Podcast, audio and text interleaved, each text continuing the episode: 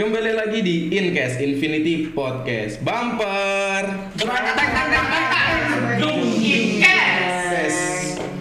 Tetap asik tanpa toksik. Oke, kali ini kita kedatangan tamu atau narasumber dari Click Story. Bisa diperkenalkan bang namanya? Saya Afi. Udah gitu aja. Udah itu aja sih. Sependek itu. Sependek Oh, enggak, bisa enggak, nama enggak. lengkap dong. Nama lengkap, Biar penonton tahu. Kalau nama lengkap saya Muhammad Dwi Arfi Ramadan. Jadi cukup panjang, dipersingkat aja jadi Arfi. Oh, Arfi. gitu. Berarti pure Arfi udah nggak ada Bang atau Sis atau Wa atau panggilannya gitu. Jeng, biasa oh, panggilan Jeng. Oh, Jeng. Jeng Arfi gitu ya. Jengkelin maksudnya. Oh, Kok otak saya buntu gitu kan. Oke. Job gimana, Bang? Alhamdulillah lancar. Lancar ya. Lancar. Walaupun di masa pandemi tetap lancar. Waduh, gue susah lah itu ceritanya. Oh, susah. Waktu pandemi kemarin tuh, ah benar-benar banyak yang di cancel sih dan juga di pending. Oh, kasihan juga sih. Sabar aja lah. setelah pandemi apakah tetap sedikit jobnya kayak di PSBB atau masih padat gitu? Alhamdulillah udah ada perubahan, agak lebih inilah ngisi lah waktunya. Jadi ya setiap minggu alhamdulillah ada yang ngasih job yang ya saya juga kan bukan eh saya juga sebagai freelance juga sih sebenarnya. Oh masih freelance? Mas- Oh bukan masih. bu, nggak nggak punya nama sendiri? Oh udah ada. Oh, tetap- tapi tetap freelance ada. ya? Ya brand Oh. kita tetap ada kok. Oh, Oke tapi Nah. kapan pun dipanggil teman bisa lah ya? Bisa. Untuk nambah-nambah lah nggak usah menafik butuh duit.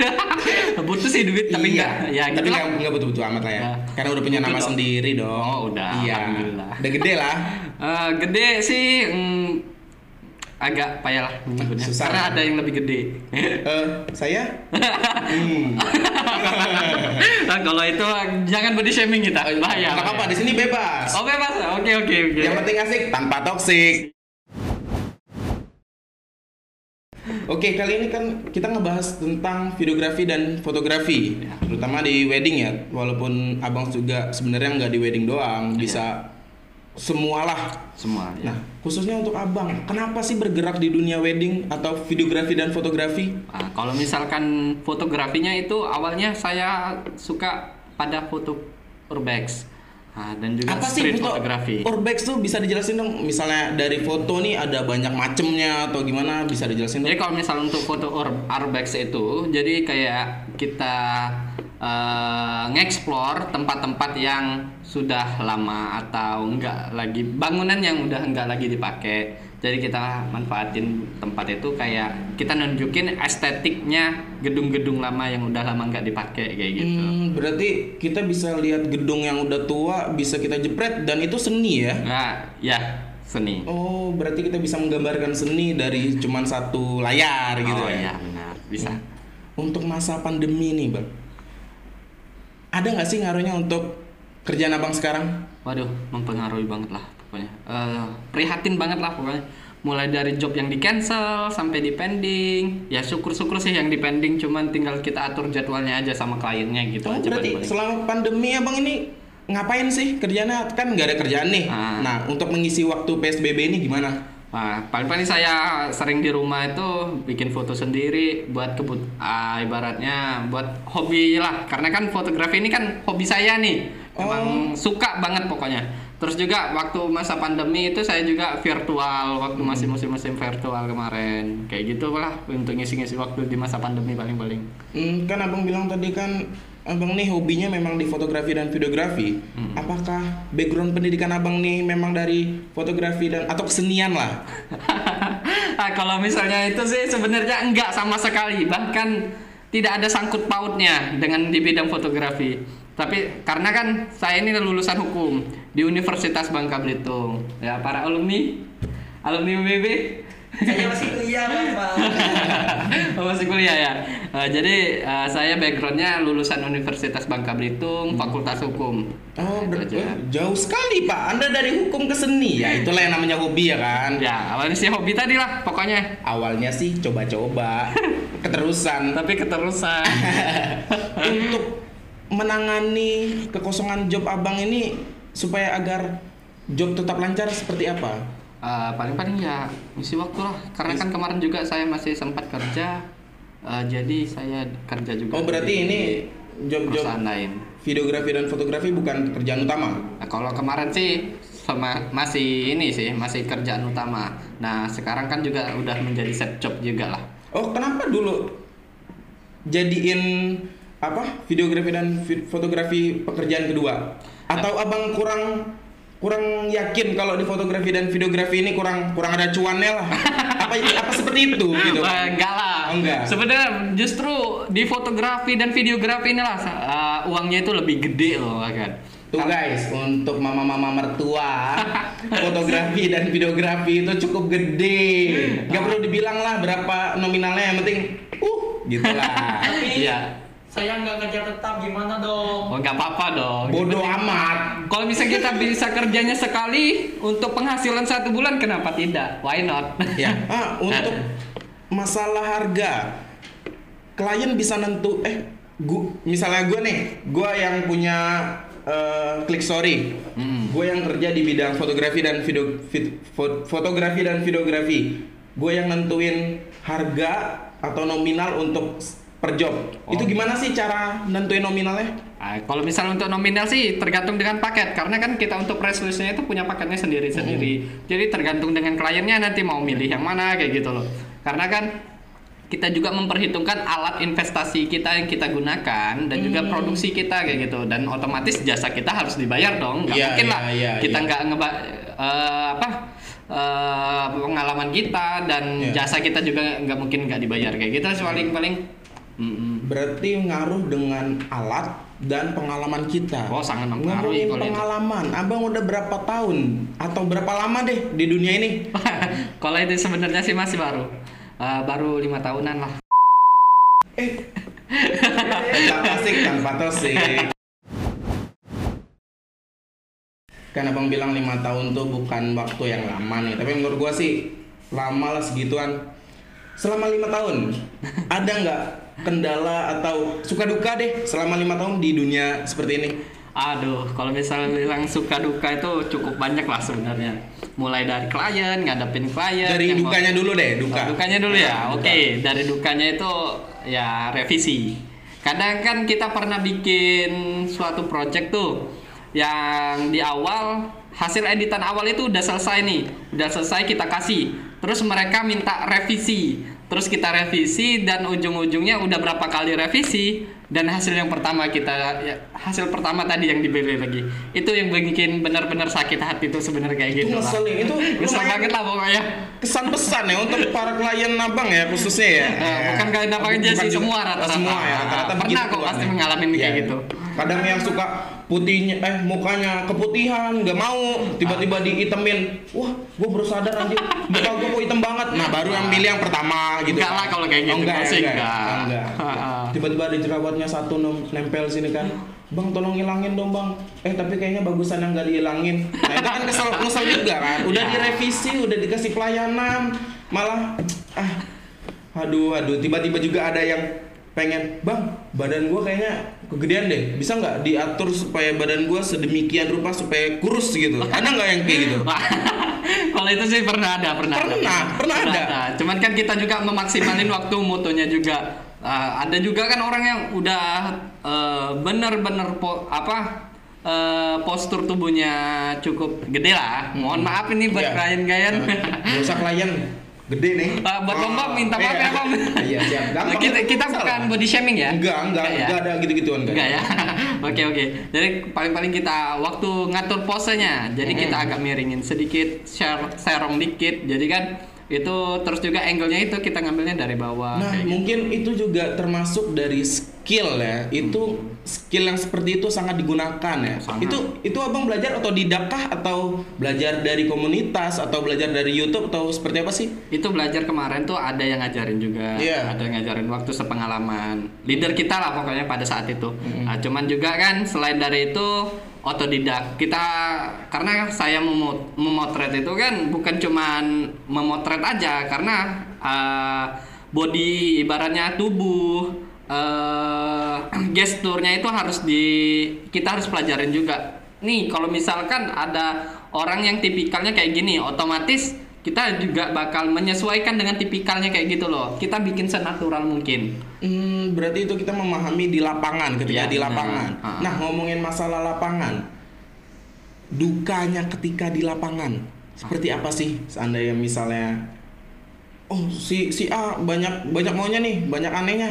Gimana sih cara menanggapi itu? Ah, kalau misalnya itu tetap kita layanin dengan pokoknya kita servis sebaik mungkin lah pokoknya dan ngasih arahan yang terbaik buat dia karena yang eh, di dalam kamera juga yang mengetahui posisi dia kayak mana itu kan karena kita sendiri loh Ah, karena kita yang memotret kita yang membuat videonya jadi kita harus eh, arahin juga kliennya gimana harus kayak mana kayak gini, kayak lah ya. gini. Iya, tapi kalau misal pun memang ada klien nih, gua nggak mau lo kayak gini, ya udah terpaksa mau nggak mau karena kita udah ngasih masukan ya kita turutin apa maunya klien kayak Iya. gitu sih.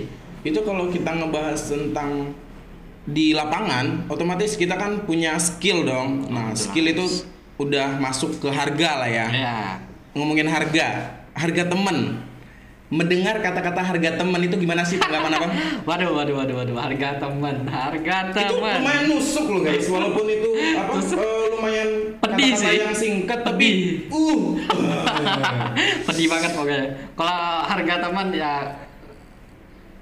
sebenarnya kalau aku ya, kalau aku agak karena tipikal agak pengertian kayak gitu loh.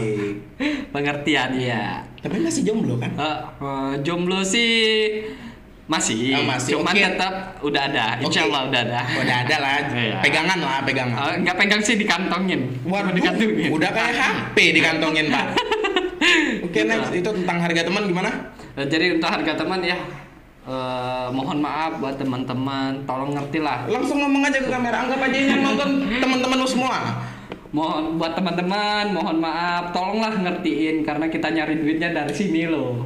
Tuh. Kayak gitu. Jadi kalau misal mau nawar boleh nawar, cuman jangan nusuk deh. Kayak gitu aja sih Pakai logika, nawar itu pakai logika. Nggak mungkin dong dari 1, koma sekian jadi Waduh. 500. Waduh, itu benar-benar sakit juga hati. tuh. belum, uang kamera juga belum, Pak. Tolonglah hargailah. Alat kita juga kan kita belinya pakai duit. Kalau Iya. misalnya pakai beli kamera pakai harga teman, wah kemungkinan perusahaan bakal hancur tuh. Iya, karena semua di atas namakan harga teman. Ya, gitulah paling-paling. Ya, itu cara menanggulanginya ya. Iya benar, ya gitulah paling-paling kita bisa menyesuaikan harganya dan kita bakal ngasih hasilnya yang kayak gini kayak gini kayak gini yang menyesuaikan dengan budget yang dia ada gitu sih paling-paling untuk preset harga temen. Iya. itu harga teman tuh ngaruh nggak kalau untuk kawan? Ah, harga teman tuh sebenarnya mempengaruhi. Cuman kan ibaratnya eh, gimana ya? Kita karena kita sesuaikan dengan harga dan hasil yang kita kasih. Mm-mm. Kalau untuk kualitas kita insya Allah bakal tetap menjaga kualitas nih. Tapi untuk produksi misal dari album kolase yang pakai box kayu atau box liter, jadi mungkin kita alihin ke yang magnetik kayak gitu sih paling-paling. Hmm, bisa lah diakalin ya. Bisa, bisa. Nah, kalau ngomong masih bahas tentang harga teman, Mm-mm. kalau misal dari teman kita tersebut, eh bro, nih gue punya temen nih di apa di Klik Story punya apa harganya bisa lah gue atur lah, tapi lu ke sini aja udah biar gue yang ngomong sama yang punyanya Klik Story ntar. Tuh gimana sih tanggapnya kayak gitu? Manggil-manggil orang-orang supaya ke Klik Story dengan mengutamakan harga teman. Waduh, waduh, waduh. Kalau misalnya itu tetap karena kita punya harga, jadi kita tetap konsisten dengan harga yang sudah ada kayak gitu loh. Oh, Nah. berarti kesan-pesan abang selama ngejob tuh apa sih? Gimana ya eh, pesannya? Ya tetap semangat, tetap berkarya, bekerjalah sesuai dengan hobi kalian masing-masing. Nah. Jangan terlalu bekerja dengan tekanan yang benar-benar yang buat lu nggak suka deh. Nah, untuk sukanya apa sih bang? Nah, kalau suka kan itu tadi sebenarnya karena berawal dari hobi loh. Mm-mm. Gua hobi, saya, gua suka dengan eh, pekerjaan ini. Jadi ya gua bawa pekerjaan itu enjoy aja, nggak ada tekanan, nggak ada beban yang memikirkan. Wah, gua besok harus kayak gini, kayak gini, kayak gini. Gua, wah sekarang gua ditekan nih sama atasan gua. Nggak ada sih di, di perasaan gua nggak ada di situ. Nah, itu sangat berpengaruh ya, Ya. untuk kenyamanan kita di pekerjaan Hmm, benar, pekerjaan itu benar. ya. Apalagi kita hobinya di situ dan kita memang enjoy di situ. Ketika ada tekanan pun ya memang kita enjoy di situ. Iya, Dan benar. itu juga ngasilin duit. Wah, lah. yang cuan itu ya kita butuh. ya. Kayak gitu lah pokoknya. Eh, untuk penafsiran orang-orang tentang pekerjaan abang nih kan kadang ada yang bilang ah ngapain sih foto-foto gitu? Nggak ada duitnya. Apalagi untuk mama mama mama mama mama mama mama mama tua itu di luar luar sana kan banyak yang seperti itu kan. Apalagi untuk abang nih udah ke jenjang yang profesional ibaratnya. Jadi untuk pesan untuk mereka-mereka yang menanggapi pekerjaan abang itu nggak ada apa-apanya. Seperti apa sih? Waduh, kalau misalkan mengenai itu sih eh, sebenarnya agak sensitif. Iya. Eh, tapi kalau mm, sebenarnya ini nih adalah peluang loh. Mm-mm. Ini adalah peluang yang sangat bagus. Karena pada zaman sekarang kalau misal kita tidak bisa menggunakan teknologi dengan baik, tidak memanfaatkan kebi- eh, skill kita yang ada di sini itu tadi, ah, kita harus memahami itu kita harus mengikuti perkembangan zaman. Ya kalau nggak kayak gitu kita nggak bakal maju kita nggak bakal sukses. Jadi ya kalau aku sih eh, karena ini adalah hobi aku ya aku tekunin jadi kalau misalkan kita tekunin kan ah, apalagi aku kan yang berawal dari benar-benar nol lah anggaplah. Mulai dari kamera biasa yang yang benar-benar waktu itu aku minta sama orang tua Uh, dan dibeliinnya udah tiga tahun kemudian baru dibeliin. Jadi ya mulai ngerasa lah pokoknya ini pekerjaan yang gua sukain jadi gua harus tekunin itulah pokoknya. Jadi alhamdulillah sampai hari ini udah terbeli kamera sendiri uh, alat-alat sendiri dari hasil keringat sendiri lah pokoknya nggak lagi minta sama Oh, orang tua itu kayak prestasi lah bagi achievement sendiri achievement ya, goals benar, benar, ya. benar. Oke. Ber- eh, kalau abang bilang tadi kamera dibeliin orang tua dari sisi orang tua abang mendukung nggak sih pekerjaan abang sampai sekarang ini Kalau sampai hari ini sih alhamdulillah sangat mendukung. Nah, karena kan sekarang udah kelihatan hasilnya gitu Ya, loh. udah ada duit Ah, udah ya, ada duit, bisa- awalnya- bisa, kirim lah. Ah, ya gitu lah meskipun nggak begitu besar tapi bisa ngairin kayak gitu. Ya awalnya memang eh, kayak diremehin loh pekerjaan kayak gini. Itu tadi yang lu bilang tadi kan? Hmm. sebenarnya awalnya diremehin. Cuman kan aku kerja kayak gini kan diam diam diam di eh, pulang malam. Eh, pernah sih dibilang lu nih pulang malam mulu ngapain sih kerjaan? Nah, kayak gitu lah. Eh, gua kan karena gua tipikal orang yang introvert, pendiam, jadi gua ya diam-diam aja lah. Yang penting gua kasih tahu ya gua mau trade kayak gitu. Gua mau trade. Nah, di luar itu kan eh, orang tua kan kalau misal kegiatan kita kan positif nih, insya Allah mereka bakal support lah support lah insya Allah. berarti intinya bagaimanapun juga kita harus memberikan kesan positif terlebih dahulu kepada Ya, orang tua kita ya kan harus itu, Ya. harus. dan sampai sekarang resep itu manjur ya Alhamdulillah. sampai Ya, sekarang mungkin masih diterima Oh sangat Masih masih ada. ya itu Karena- tadi kan awalnya gua kalau orang tua gua ya pada saat itu di rumah karena gua kan tinggalnya enggak sama orang tua nih di sini di sini gua ngikut bibi gua Hmm. Eh, alhamdulillah mereka sangat welcome sangat baik lah sama gua jadi awalnya itu mereka mulai mengerti eh, waktu gua ibaratnya sering bawa makanan ibaratnya nanyain mau makan apa kayak gitu loh itu sih sogokan yang agak ah bikin gua semakin maju semakin maju ibaratnya Iya, kayak iya, gitu lah iya, pokoknya iya, iya. Bang, abang punya pesan gak sih untuk para fotografer pemula yang pengen menjadikan ini sebuah bisnis atau pekerjaan lah? ah kalau misalkan itu eh, saya juga masih bela- sebe- masih belajar lah pokoknya. Masih benar-benar pemula karena kan Iya pemula lima tahun.